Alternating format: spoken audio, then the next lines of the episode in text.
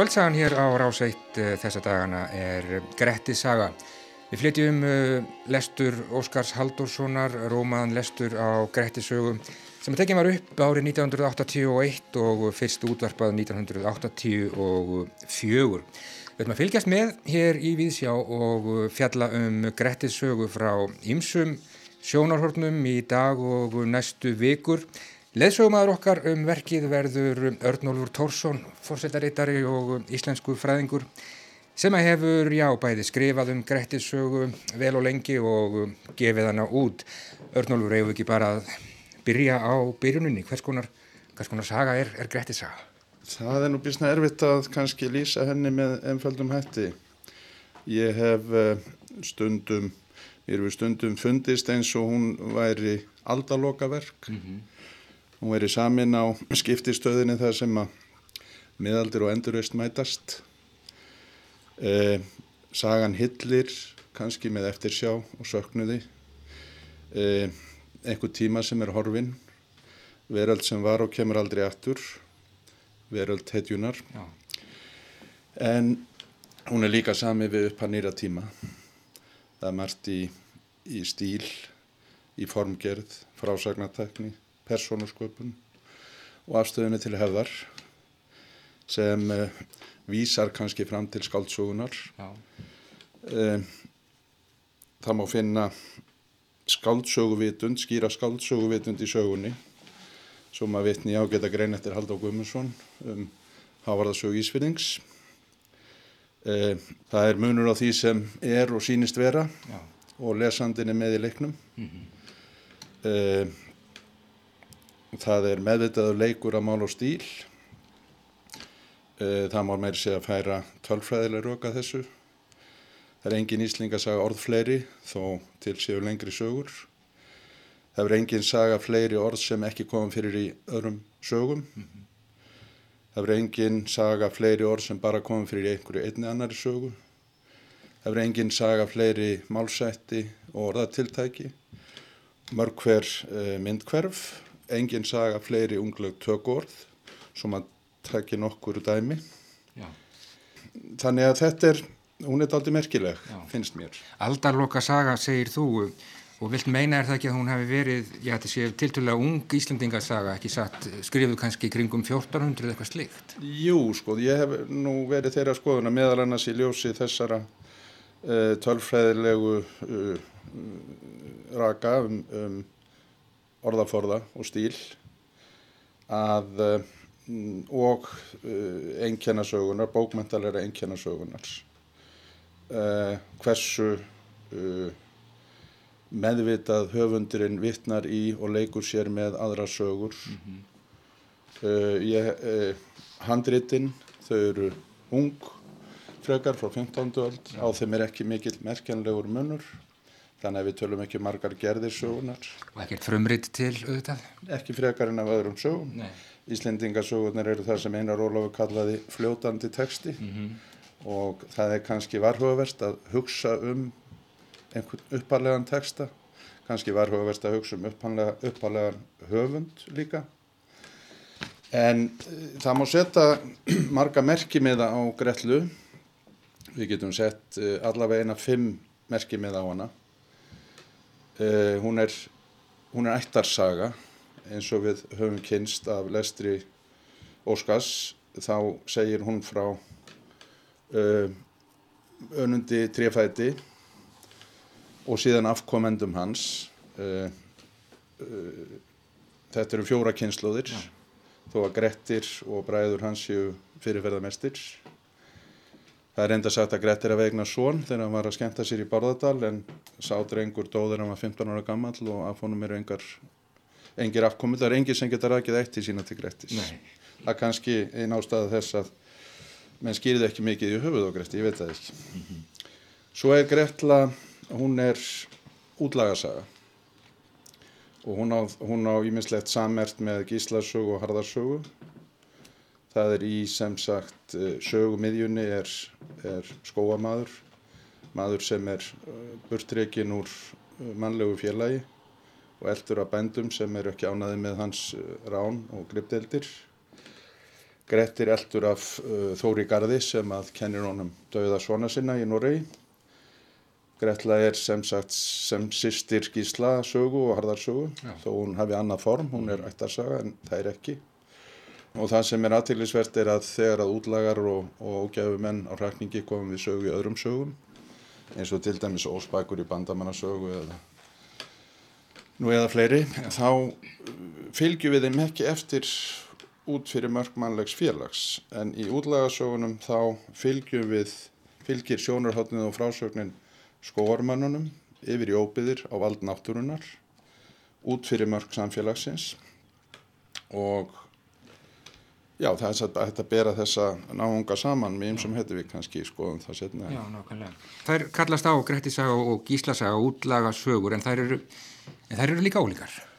Já, þetta, þe- þær eru ólíkar þessar sögur, þær eiga það sammert að allir þrýr útlagarnir eru skáld og allir eru vel ættaðir, öllum er spáð illa þó að Gretti sé ógæfi samastur allra og, og hérna heila dísitnar honum öndverðar í hverju spóri eftir uh, dóm Gláms.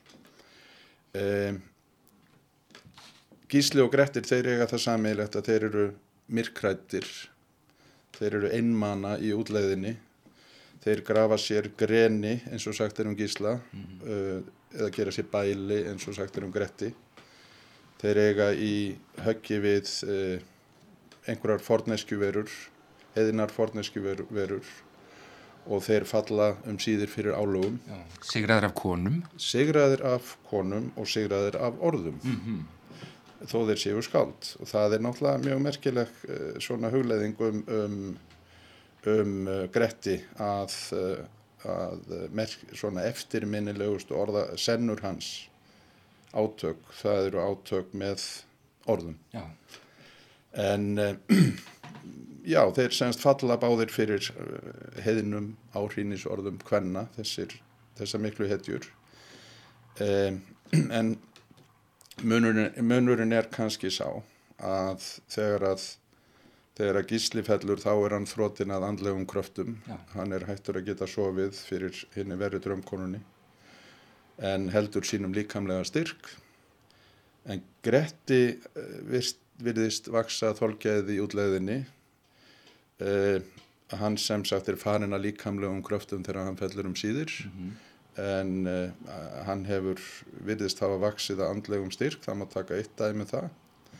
Hann tekst þrísvarsinnum á við svona montrassa fyrst er í Noregi Björn í Salti sem að, sem að hann drefur svo er það Gísli Þorsteinsson þegar hann grettir er í Fagraskóafjalli hann eldir hann yfir allar mýrarnar og hýðir hann síðan við, við Hafjörðar á en þegar sá þriði montrassin kemur Þóróttur Snorarsson þá lætur hann næja að setjast niður hjá hann og spjalla við hann. Já, nákvæmlega.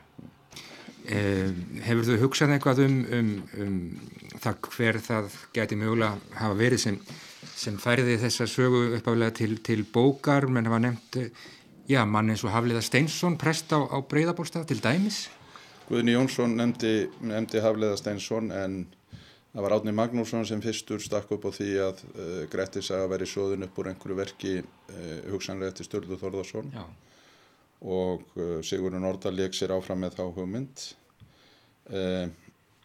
Það er kannski byggt aðalega á því að það er vísað nokkrum sinnum í, í Gretlu til Sturlu Þorðarssonar og ekki síst um spjót sem að fannst á ofanverðum dögum hans, spjóti sem að Grettir sendi eftir, uh, sendi á Þorbjörn Öxnamegin.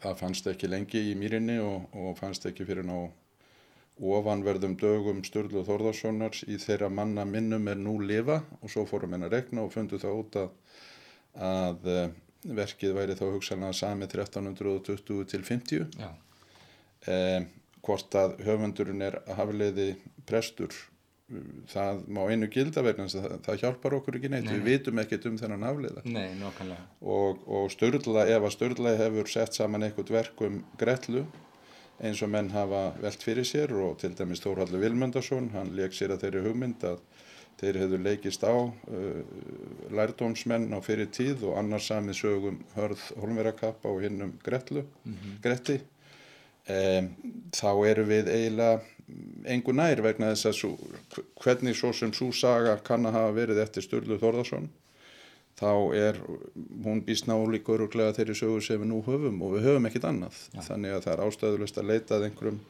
einhverjum uh, gimsteini inn í þessari gretlu, hún er ágætt eins og hún er. Nákvæmlega.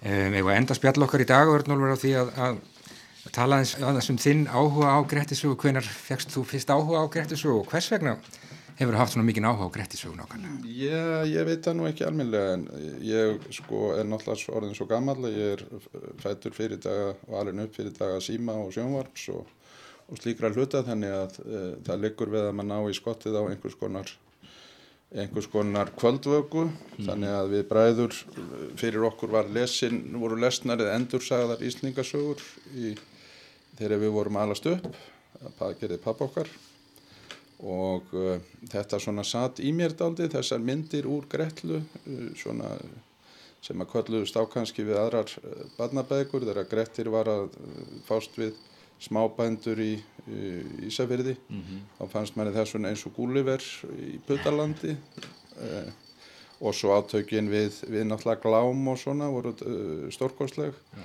þannig að þessi áhugi kannski kviknaði bara í barnæskunni og, og síðan skrifaði ég löngu setna rittgerðum Gretti og uh, var þá eins og ég segja tógast eftir orðum við Gretluhöfund að skoða orðaforðan ekki síst og, og svona samsetningu sögunar Nákvæmlega, mm. þannig að Tór hefur lesið fyrir ykkur greitti sögu í gamla daga? Ég hef sannlega ekki lesið en ég hef sannlega endur sagt Nákvæmlega, Örnaldur Tórsson við skulum láta staðar numið í dag. Uh, Aldarloka saga segir þú, já, söknur eftir svona hetju, hetju tíma og auðvitað stutt í, í, í þjóðsöguna Gretti saga auðvitað mjög auðvug af, af þjóðfræðaefni og, og allar tegundir þjóðsagna sem að koma þar við sögu og við kannski tölum betur um það næst þegar við hittumst í næstu viku höldum áfram að hlusta á Óskar Haldarsson flítja Grettisögu á kvöldin hér á Rás 1 Takk fyrir í dag og í næstu viku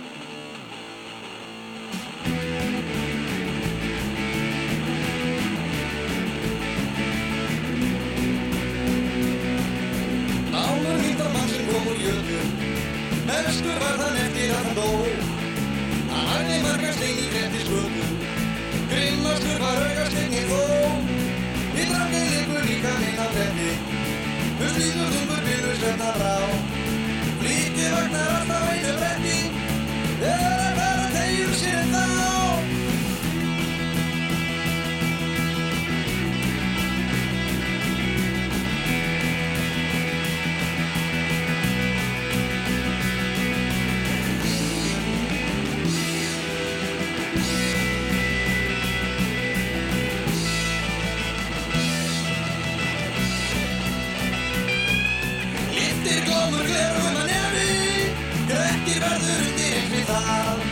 Hvorrættur að hann heldur varna skeri Hefur varna talfæri úr stað.